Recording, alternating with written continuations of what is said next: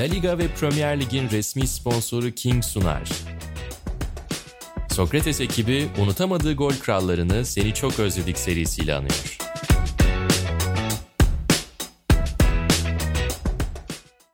Merhabalar, Seni Çok Özledik'te La Liga serisinin dördüncü bölümünde yine karşınızdayız. Bu bölümde Christian Vieri ve Atletico Madrid'in ve La Liga'nın 90-98 sezonunu konuşacağız. Yine İlhan Özgen'le beraberiz. İlhan merhabalar. Selamlar Onur. Bu bölümün senin için özel bir bölüm olduğunu düşünüyorum. Geçen bölümde sana hayvan forvet sevginde Ronaldo'da olmaz mı demiştim. Orada bir arada kaldık ama bu kez hakkını tamamen dolduracak. Bütün o tanımı kendi bünyesine toplayacak bir isimle karşındayım diye düşünüyorum. Christian Vieri. Ne dersin? Kaç veriyorsun hayvanlık üzerinden kendisine? Yani benim tarihteki hayvan forvetler sıralamamda ilk 5'e giren 10 üzerinden Batistuta ile 10'u olan e, hayvanlardan biridir hakikaten. Yani acayip bir hayvandı kendisi. O zaman dolu dolu bir Christian Vieri konuşacağımızı düşünüyorum. Ben önden bir Evet. küçük bilgiyle açayım programı. Biliyorsunuz gol kralları üzerinden alıp sezonları konuşuyoruz. Bu sezonda Christian Vieri Atletico Madrid formasıyla ki tek sezonu Atletico Madrid'le 24 golle krallıkta birinci sırada tamamlıyor. İkinci Rivaldo 19 gol. Ardından 18 ile Luis Enrique geliyor 17 golle Kovacevic. Luboslav Penev 16, Pauleta 15, 14 golle Fernando Correa sonra da 13 gollü 3 futbolcu Juan Snyder, Alan Peternak ve Gabriel Amato geliyor. Bunlara değineceğiz. Ama Christian Vieri ile başlayalım. Vieri'nin bu sezonki gol krallığının şöyle de bir önemi var. Bir önceki sezon Barcelona tek yılını geçiren Ronaldo buradaki başarısıyla beraber, La Liga'daki başarısıyla beraber kendisini Inter'de buldu. Ertesi sezon bu lige gelen Christian Vieri Atletico Madrid'deki başarısıyla gol krallığıyla bir sonraki sezon kendisini Lazio'da bulacak. Ama öncesinde biz Atletico Madrid kariyerini konuşacağız. İlhan senin aklında Atletico Madrid formalı Christian Vieri deyince ilk canlanan şey nedir? Bunu sorarak başlayayım. Yani o sıfıra yakın yerden attığı goldür herhalde. PAOK maçı. Evet. Yani ilk odur. O Vieri'yi anlatan bir gol değil ama odur herhalde. ama Vieri'nin aslında stiliyle alakası olmayan bir goldü. Evet öyle bir inceyi beklemezsin ustadan ama dediğin gibi Tabii. PAOK'la oynanan ikinci tur maçı mıydı diye bir daha bir kontrol ediyorum. Son 32 tur maçı UEFA kupasında zaten hat-trick yapıyor maçta. 5-2 kazanıyorlar. Uzun bir top geliyor. Kaleci topu out'a gitsin diye topa doğru koşuyor. Vieri koşuyor. Kaleci zaten out'a gitti diye topun önünden geçiyor.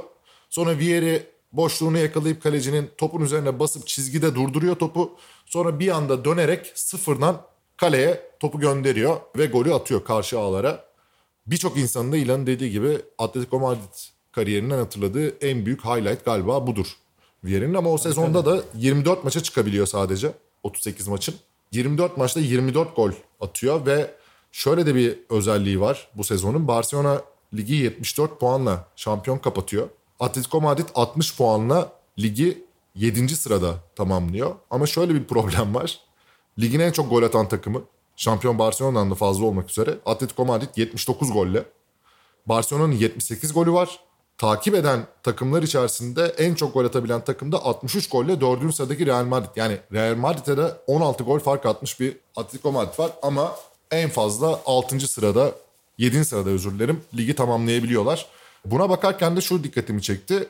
La Liga'da inanılmaz bir iç saha sezonu yaşanmış.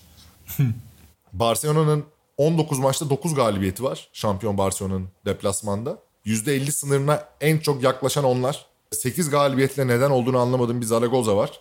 7 galibiyetle Valencia var. O kadar. Yani Atletico Madrid'in 19 maçta 5 galibiyeti var.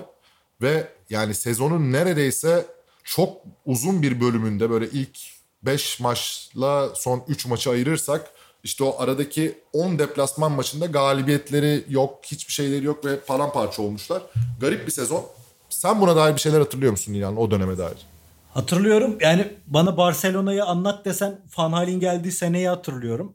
Artık Cruyff Zede Barcelona'nın bir Hollanda'nın Cruyff temsil yani Cruyff sonrası Michel sonrası temsilcisi Van tarafından toparlanmaya girmesini hatırlıyorum ama Atletico Madrid'i daha çok hatırlıyorumdur. Çünkü Atletico Madrid Radomir Antic çalıştırıyordu ve babam da fanatik bir Fenerbahçeli ve Antic'in oynadığı Fenerbahçe'yi 17-18'li yaşlarda takip eden bir çocuk olduğu için bir genç olduğu için Antic'e karşı acayip bir sempatisi vardı. Ve biz Atletico Madrid'i evde bayağı bir takip ederdik yani. Antic'in takım ne yaptı? O 95-96 şampiyon olmuşlardı. Hatta o sene Fener de şampiyon olmuştu. Yani Metin Özge'nin spor izleyicisi kariyerinin en mutlu zamanlarıydı filan. Onun için Atletico Madrid bu açıdan bizim için önemliydi. Oynattığı futbolda Antic'in zaten böyle hücumcu e, bir adamdı. Şanssızlığı işte bu onun son sezonu. Vieri'nin de bu son sezonda takımın e, parçası olmasıydı ama attığı gollerle kendini kanıtladı adam. Hatta bir ortalamayı tutturan Hugo Sanchez'den sonraki ilk gol kralı. Yani az değil 24 maç 24 gol. Büyük işti. Benim için Vieri yani hayvan forvet dedik. Ya adam her golü atabiliyordu. Mesela çok iyi bir kafa vuruşçusuydu. Sol ayağı muazzamdı. Solaktı zaten ama sağ ayağıyla da şut atabilirdi. O sol ayağı gerileyip kurduğu anda zaten yani istersen 3 kişi sırtına çık durdurman imkansızdı. Çalım atamaz. Ver kaça girersin kısmet. Belki topu alırsın ama o topu kaleye vurduğu anda çok etkili oluyordu. Geçen hafta konuştuk. Biz bu adamları şampiyonluklar için izlemedik. Vieri'nin yanılmıyorsam yani bakayım da bir şampiyonluğu olması lazım. Juventus'ta o da zaten çok böyle kıyıda köşede bir oyuncuyken yani belki 10 golü anca vardır.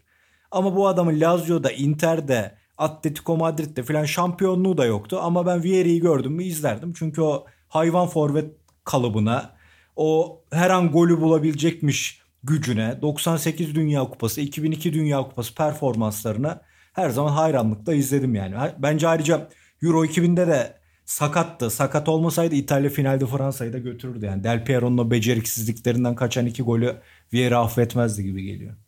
Dönüp dolaşıp zaten bu dönemlere dair konuştuğumuzda Euro 2000 ve o İtalya Hollanda ve İtalya Fransa maçlarına bir şekilde dönüp geliyor insan galiba. Tabii. Vieri ile alakalı bir şeyi de hakkını yemeyelim. Sen dedin ya hani özelliklerini repertuarını sayarken. Evet kafa vuruşlarına çok etkili. Evet şut çok ekstra bir şut özelliği var. Uzaktan Acayip yakından. abi. Ama bu seneki gollerine baktığında yine program öncesi açıp o sezonki maçlarını ve gollerini izledim. Abi garip bir şekilde hafızanda o şekilde kalmasa da abi bir bir yar, yarıcılığı var yani. Bir yani direkt adamın yanından atıp geçmiyor. Ama adamla beraber milleti sürükleyerek bir dripling özelliği de var o sezona dair özellikle. Sonradan belki birazcık daha başka bir forvete evrilmiş olabilir. Ama zaten böyle kalıplı, geniş omuzlu bir oyuncu olmasından da sebep muhtemelen omuz omuza geldiğinde yaklaşma ihtimalin pek yok. Yani seni atıyor direkt yanından muhtemelen ama savunmayı da sürükleyerek attığı bayağı bir gol var aslında o sezonda. Ya ben adam geçme derken hani geçen hafta bahsettik ya Ronaldo makası yapardı belini kırardı ya da bacak arası atardı. Ya da Romario dedik ya kepçeliyor topu herifi felç bırakıyor resmen Real Madrid stoperine. Yani Vieri'de bunları görmemiz imkansızdı ama 3 kişi yanında dolaş adamın yaklaşamıyordun zaten. Orada geçiyordu dediğin gibi. E bir de yani gol vuruşlarında bazen tekniğini konuştururdu ya. Mesela Kamerun'a attı aşırtma golü hatırlıyorum. Burada da var işte senin bahsettiğin bu sezonki gollerde. Sağ sol kalecinin üstünden topun altına girerek yapardı aşırtmasını. Özel özel golcüydü yani. Eleştirilmesi gereken yerler işte bu Atletico Madrid, Lazio hep bir senelik böyle. Yani burada mesela çok tutuyor adam öbür sene gidiyor. Lazio'da çok oturmuş bir takıma artık parçası golcüsü olacakken ve Salas gibi acayip bir partnerle oynayacakken tak Inter'e gidiyor. Yani en çok Inter'de oynadı herhalde zaten. Ki orada da Crespo'yla ikili oldukları sezon büyüleyiciydi yine. Bu arada senin biraz önce söylediğin bu Atletico Madrid'i daha çok izliyordum ben bu sezon. Daha çok dikkat ediyordum dedin. Ona galiba sebeplerden bir tanesi de o sezon Atletico Madrid'e Juninho Paulista'nın da gelmiş olması. Ki hmm. Juninho geldiğinde çok çok büyük bir yetenek ve kariyer olarak daha doğrusu nasıl söyleyeyim bir gelecek vaden futbolcu olarak gelmişti. Brezilya'nın yeni yıldızlarından biri. Hatta iki sene sonra Middlesbrough'a gittiğinde de bayağı bir olay evet. olmuştu. Ee, yani Juninho'lu, Vieri'li yani o sezonki Atletico Madrid'in transferlerine de bakınca bayağı önemli bir yatırım yapılmış yani. Dediğim gibi bu forvet hattına ve hücum tarafına yansıyor. Lige en çok gol atan takım olarak tamamlıyorlar ama bu onlara en fazla yedincilik getiriyor. Onlar adına nereden bakarsan kötü bir sezon diyebiliriz herhalde. Tabii kesinlikle canım. Dediğim gibi yani o antiçli şampiyonluk döneminin o biraz güzel dönemin sonu artık Atletico Madrid için. işte 70'lerde Şampiyon Kulüpler Kupası finali yaptıktan sonraki en başarılı zamanlarıydı o zaman Simone'ye kadar. Ant içinde öyle bir yeri vardı. Bu da o takımın o jenerasyonun diyelim o ekibin sonuydu artık. Senin dediğinde bir de şöyle açayım ben. Vier'in tek sezonluk ilerleyen kariyerini. Abi 91-92 Torino, 92-93 Pisa, 93-94 Ravenna, 94-95 Venezia, 95-96 Atalanta, 96-97 Juventus, 97-98 Atletico Madrid, 98-99 Lazio, 99'dan 2005'e kadar Inter Milan. Yani 1991'den 2000 yılına kadar herif 10 sezon boyunca her, her sene farklı bir takımda oynamış. Bu inanılmaz bir şey ya. Aynen abi yani ve en istikrarlı takım da İtalya'nın en istikrarsız büyüğü. Yani gide gide Inter'de kalmaya karar vermiş adam. Yani Bu arada o Inter kariyeri de 143 maç 103 gol. Yani baya baya kariyer yani öyle baktığında. ben Türkiye'de spor programlarının yer alan birçok insanı zannettiğimizden zannettiğimiz kadar dolu olmadığını anladığım insandır Vieri. İsmini vermeyeyim. Bir spor yorumcusu dönemin daha doğrusu moderatördü galiba programda. Hakan Şükür'e bağlanıp şu soruyu sormuştu. Hakan bu kazma Vieri'yi nasıl kesemiyorsun bir anlat bize. O zaman dedim ki demek ki bu ülkede yani işte kaç yaşındayım düşün o zamanlar. 16 yaşında filanım. Dedim bu ülkede demek O ki gün mü başladı senin bu ülkenin basınıyla olan ayrışma? Tabii tabii. Büyük şeylerden biridir. Bir de e, ismini vermeyeyim bir gene eski futbolcu, ünlü yorumcu abimizin Zambrotta Dani Alves kıyaslamasında Aa bak öbürü İtalyanmış anca savunma yapar. Dani Alves hücum yapar diye Zambrotta'yı yemesi vardı ki Zambrotta benim gördüğüm en hücumcu İtalyan sağ bektir ama İtalyan olunca savunma yapardan. bir de Dünya Kupası almıştı yani bir sene önce Zambrotta'da ama onu bile izlememiş abimiz demek ki. Bu sezona dair Vieri'ye en benim üzüldüğüm anlardan biri de bakınca şimdi bütün o istatistiklere vesaire. 4 gol attığı bir Salamanca maçı var. Abi o maçı kaybediyor herifler. yani, Aynen aynen. yani ben bir maçta 4 gol atıp o maçı kaybetse benim takım yani o soyunma odasında nasıl bir arıza çıkaracağımı hiç düşünemiyorum bile ki Vieri de şey değildir yani öyle çok munis falan bir tip topçu falan değildir. Ben o Salamanca deplasmanındaki maçın sonunda o soyunma odasında olmak isterdim gerçekten. Ya Onur bak şeyi söyleyeyim aklıma gelmişken şimdi bu bahsediyorsun ya onları güzel hatırlatıyorsun. Yani bu neredeyse Hugo Sanchez'lerin filan 90'ların başından itibaren bu gol krallarının hepsinin videosu var şeyde YouTube'da. Şimdi Ronaldo futbolcu anlamında Vieri'nin çok çok çok çok önünde bir oyuncu. Ama geçen ne dedin? Ya adamın gollerinin üçte biri kaleciyi geçerek işte yani belli tarz sınırı çekebiliyorsun Ronaldo'ya. Bu adam bu tür goller atıyor. Abi Vieri'nin bu 24 golünü izledim ben. Her biri birbirinden farklı neredeyse. Bir tane ceza sahası dışından koyuyor. Bir tane sıfırdan koyuyor. Bir tane defansı yarıyor. Bir tane sağ ayak aşırtma yapıyor. Sol ayak aşırtma. Kalkıyor iki kişinin arasından kafa vuruyor. Ya o yönden de aslında ne kadar önemli bir adam olduğunu anlayabilirsin yani. Adamın bir tip golü yok böyle. Çok fırsatçı falan filan da değil. Her türlü golü atmış baba o sene. Ya orada galiba şey var. Bazı forvetlerde ben her zaman hani öyle bir ayrıma gitmeyi daha tercih ediyorum. Abi çerçeveyi gördüğünde ve çerçeveyi görmesine bir şekilde fırsat verirsen o topu o kalenin neresine atması gerektiğini bilen oyuncu diyebiliriz aslında Vieri'ye. Yani çerçeveyi gördüğü anda zaten o geçmiş olsun durumu var birazcık onda. Bazısı daha böyle estetiktir hani belli yerlerde durur. Savunmanın arkasına sarkar, kaleciyle karşı karşıya kalır. Yani başka türlü özellikleri var ama o çerçeveyi görme kısmı ben her zaman bir avantaj olarak görüyorum. Yani gerçek forvetin bizim şu anda unuttuğumuz şekilde gerçek bir 9 numaranın aslında en kritik özelliklerinden biri de bu belki de. Çünkü o top geldiğinde bazen ne yapacağını da bilemeyebilirsin ama çok az bir zamanın var. O topu geldiğinde nereye göndereceğine dair bir fikrin varsa bu seni herkesin bir adım önüne koyuyor. Yani burada Türkiye'den bir örnek vereyim hadi. Abi mesela Ümit Karan bu tarz bir topçuydu. Yani Ümit'in Vieri ile eşleştirmiyorum bu arada yani genel özelliklerini. Sadece şu açıdan söylüyorum. Abi kafa topu geldiğinde o kafayı nereye koyacağını bilirdi. Uzaktan top gelişine zaten onu hesaplayıp ona göre bir atardı. Uzaktan vururdu. Yakından kalecinin sağına soluna neresine yani topu nereye göndermesi gerektiğini anlardı. O içgüdüsel bir şey galiba. Yani o çerçeveyi gördüğünde bütün o simülasyonu yapıp kafanda ulan bu top buradan daha iyi gider diye düşünerek oraya vurmak öyle çok çalışılarak sadece yapılacak bir şey değilmiş gibi geliyor bana. Evet yani doğru bir örnek verdin şuradan. Yani oyuncu stili olarak bahsettiğin gibi alakasız ama bu tarz oyuncuları yetiştiren iki ülkeyi aslında kesişim kümesine aldın. Almanya ve İtalya abi. Yani Almanların futbol tarihine baktığında bu tarz oyuncular hep var. Ee, Klaus Allofs'lar, e, Klaus Fischer'ler işte Klose. Gerd kal- Klose yani Gert Müller farklı bir adamdır ama o da kaleyi bulur. İşte Föllerler, Riddeler falan filan. E, İtalyanlarda da bakıyorsun işte Cici Riva diyorsun 60'lara 70'lere gidiyorsun. Vieri'nin 70 idmanı yemiş hali. Yani daha farklı bir gücü var. Daha bacakları daha atletiktir Riva. Ama 30 metrede kaleyi gördü mü yanında babası gitse pas vermez yani. Onu o topu o sol ayağıyla kaleye vurur. Onun için Vieri de İtalyan türünün 90'lı yıllarda artık İtalyan hayvan forvetlerin 90'lı yıllarda vücut bulmuş haliydi bahsettiğin gibi. O Santrfor olayında çok haklısın. İşte Feyyaz Uçar'a da biz çocukken çok bencil filan derlerdi maç izlerken büyüklerimiz. Sonra ben röportaj yaptığımda onu sormuştum. Şey demişti. Ya Serpil Hamdi Hoca bize o topu takımda en iyi sen oraya attığın için seni forvet oynatıyorsun. Sen kaleye topu vurabiliyorsan sen vur zaten. yani bırak kaleyi gördüysen vur. Zaten sen iyi vurabildiğin için santrfor oynuyorsun. Ben de böyle büyüdüm diyordu.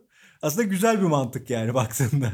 E tabi abi yani zaten dediğin gibi adamın orada olmasının sebebi o pozisyonun yani stoper değil de forvette oynamasının sebebi o topu oraya daha iyi atabilmesi. Yani öncelik tamam bazen hani bencilliğe kaçtığı oluyor bu tip durumların ama yani genel olarak ben o içgüdüye sahip olmayan bir forvetin de çok başarılı olabileceğini açıkçası 9 numara olarak konuşuyorum. Düşünmüyorum. Yani zaten o içgüdüye sahip olduğu için evet bu ona sezonda 5-6 tane pozisyonu harcama çok bariz golleri takımı adına yeme ve değerlendirememe gibi olumsuz sonuçlar doğurduğuna inanıyorum ama mesela o sezon 20 gol attıysa bunun yarısını da bunu yapabildiği için atmıştır belki de. Yani hani orada o fırsat maliyetini de hesaba katmak lazım galiba.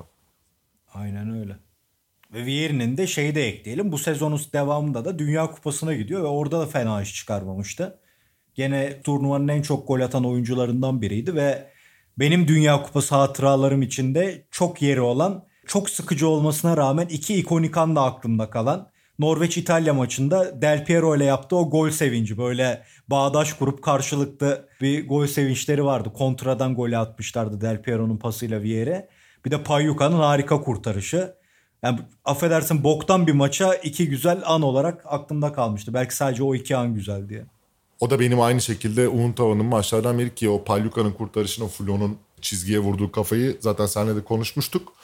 Buradan bir son olarak Atletico Madrid'e dönüp şöyle bir kader bizi birbirimize bağlıyor galiba ya da bazı şeyleri birbirine bağlıyor diye söyleyeceğim. Bir önceki sezon bir üçüncü bölümde biz Ronaldo'yu konuştuk. Barcelona kariyerini konuştuk. Barcelona'dan Inter'e gidişini konuştuk. Tek sezonluk kariyerini. Christian Vieri'nin tek sezonluk Atletico Madrid kariyerini konuşuyoruz dördüncü bölümde. UEFA Kupası'nda yarı finalde Lazio ile oynuyorlar. Lazio'ya eleniyorlar. Aynen. Vieri sezon sonunda o Lazio'ya transfer oluyor. O Lazio yarı finalde Atletico Madrid'de eliyor. Finalde Inter'le karşı karşıya geliyor ve Ronaldo'nun ikinci unutulmaz anlarından biri olan o UEFA Kupası finali orada kaybediyorlar. Ronaldo'nun paramparça ettiği Lazio'yu. Buradan da sadece bir önceki bölümde böyle bir bağ olduğu için onu da hatırlatmak istedim. Aynen öyle. Diğer gol krallığı yarışındaki rakiplerine geçelim Vieri'nin istersen. Rivaldo bu kez Barcelona'ya gelmiş. Deportivo'daki sezonunu tamamlamış. Barcelona'ya gelip evet bir Ronaldo'nun yaptığı katkının veya yaptığı nasıl söyleyeyim o parlak, görkemli, ihtişamlı kariyerinin arkasını dolduramamış diye bakabilirsiniz ama şöyle de bakabiliriz. Barcelona'ya gelip gol krallığı yarışını ikinci tamamlayıp takımı şampiyonluğa taşıyor. Bir açıdan da böyle de bakılabilir. Yine aynı sezonda Luis Enrique'nin 18 golü var. Kovacevic bizlerle birlikte yine Real Sociedad'da 17 golle. Luboslav Penev 16 golle. Pauleta 15 golle. Benim buradan dikkatimi çeken Luis Enrique'nin 18 gol attığını ben hiç hatırlamıyordum. Yani bu kadar yüksek bir gol sayısına çıktığını ama yani baktığımda inanamadım. Ama atmış abi herif. Aynen. Ve hani kariyerinde Barcelona'ya gelene kadar hiç oralarda bezi olmayan bir adam Barcelona'da epey gol atan bir oyuncuya dönüşüyordu dönem dönem. O da misal yani bana 90'lardan beri başından beri izledik Luis Enrique'yi. Bana bugün Luis Enrique'nin yeri nerede desen yemin ederim net anlatamam sana. Yani ne üdüğü belirsiz topçular vardır ya Luis Enrique de benim gözümde hep o. Yani hücumcu orta saha mı, kanat oyuncusu mu? Tam böyle İspanyolların forvetleri olur ya bir türlü çıkaramazsın herifin ne olduğunu. Tam onlardandı bence de. İlginç oyuncuydu Luis Enrique yani. Fena da oyuncu değildi bu arada. O pozisyonsuzluğunu güzel anlattın. Benim de kafamda mesela dediğin gibi şeyi canlanmıyor. Sürekli oralarda olan bir Luis Enrique var kafamda yani. Rakip ceza sahasının oralarda olan bir Luis Enrique var ama nerelerinde yok. Yani tabii tabii abi yani yok hakikaten. Buradan diğer birkaç isme geçeyim. Bak bu sezon aslında birazcık tipik forvetler görüyoruz. Yani Pauleta, Tabii. Kovacevic yani Penev. yakınlar. Penev aynı şekilde. E hadi Vieri'yi de kat bunların içine. Tam değil de. Vieri'yi de kat. Birazcık daha İspanya'da fiziksel gücün ö- işte Esnayder 13 golle falan. Al- Alain Peternak'la Gabriel Amato'yu hatırlamıyorum. Santander'deki 14 gollü Fernando Correa'yı da hatırlamıyorum açıkçası. Yalan söylemeyeyim. Ama genel olarak nokta forvet kavramı e, geçer akçe olmuş galiba bu sezon için. Evet evet ilginç o, o açıdan da dediğin gibi. Sonra çünkü Raul'un, Tristan'ın, Makay'ın dönemi başlayacak. Hani onların yanında bu böyle bir garip geçiş dönemi olmuş. Zaten bu geçiş dönemi şeye de yansıyor işte lige de yansıyor. 8. Real Betis'le 2. Atletico Madrid pardon Atletik Bilbao arasında 6 puan var. Yani Barcelona 74 puanla şampiyon oluyor ama Bilbao 65 puan sonra 63 63 60 60 60 59 yani iki galibiyet seni Şampiyonlar Ligi'ne götürmekle UEFA Kupası'na son anda adım atmak arasında geçen bir ömür yani orası. Kısır da bir lig olmuş. Belki de şeyin de sebebi olabilir. Yani ne kadar etkisi vardır bilmiyorum da 20 takımla oynanan ilk La Liga sezonu bu. Bir önceki sezon çünkü daha işte 22 iken bu sezon 20'ye düşüyor. Ne kadar etkisi vardır onun çok emin değilim ama bu rekabete de yansımış yani çok çetin bir lig geçmiş diyebiliriz yani. Barcelona burada kendini öne atmış yani bir 9 puanla. Ama diğerleri adına bakarsak da şöyle söyleyeyim yani. Şampiyon Barcelona 23 galibiyet, 5 beraberlik, 10 mağlubiyeti var abi. Bilbao'nun 14 beraberlik, Sociedad'ın 15 beraberlik, Real Madrid 12 beraberlik, Mallorca 12 beraberlik, Atletico Madrid 12 beraberlik. Yani inanılmaz rakamlar var burada. Bu buna zaten aşağılara indiğinde de yani iki haneli beraberlik sayısına çıkan takımların sayısı inanılmaz yüksek. Bu da birazcık kafa kafaya birlik olduğunu gösteriyor galiba bize. Aynen. Yani ilginçmiş hakikaten ya. Garip bir ligmiş bu dönem. Bu arada bu lige dair, bu sezona dair bir şey daha ben paylaşmak istiyorum. Bu kafa kafaya geçen ligde hiç kafa kafaya gitmeyen bir takımı da anarak kapatalım. Sporting Gion. 13 puanla veda ediyorlar lige.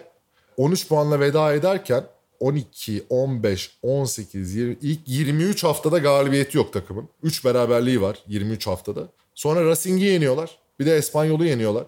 İnanılmaz bir sezon olmuş onların adına da. Bunu da değinmeden geçemedim.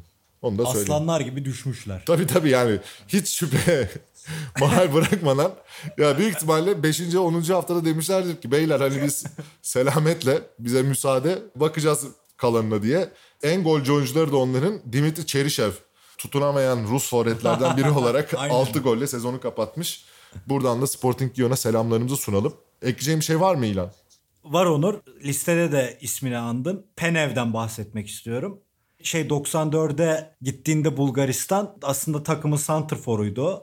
Hani böyle babamlar, çevremizdekiler filan bunun işte bunların bir tane ayı gibi santrforu vardı ya nerelerde bu herif tarzı. Gözlerimiz Penev'i aramıştı o dönemde. Ama sonradan adamın kanser tedavisi gördüğünü filan öğrenmiştik. Hani oralardan dönüp de sonra Atletico Madrid'in az ö- geçen bölümlerde bahsettiğimiz az önce bahsettiğimiz e, şampiyonluğunda da payı vardı.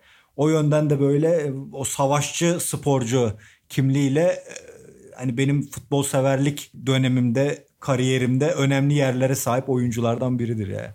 O da iri yarma gibi bir adamdı. O zaman seni çok özledik de dördüncü bölümün sonuna geldik. La Liga'nın ve Premier Lig'in resmi sponsoru King'in katkılarıyla eylemlerimiz ve programlarımız devam edecek. Bir sonraki programda görüşmek dileğiyle ben Onur Erdem, İlhan Özgen'le beraber karşınızdaydık. Hoşçakalın. Hoşçakalın.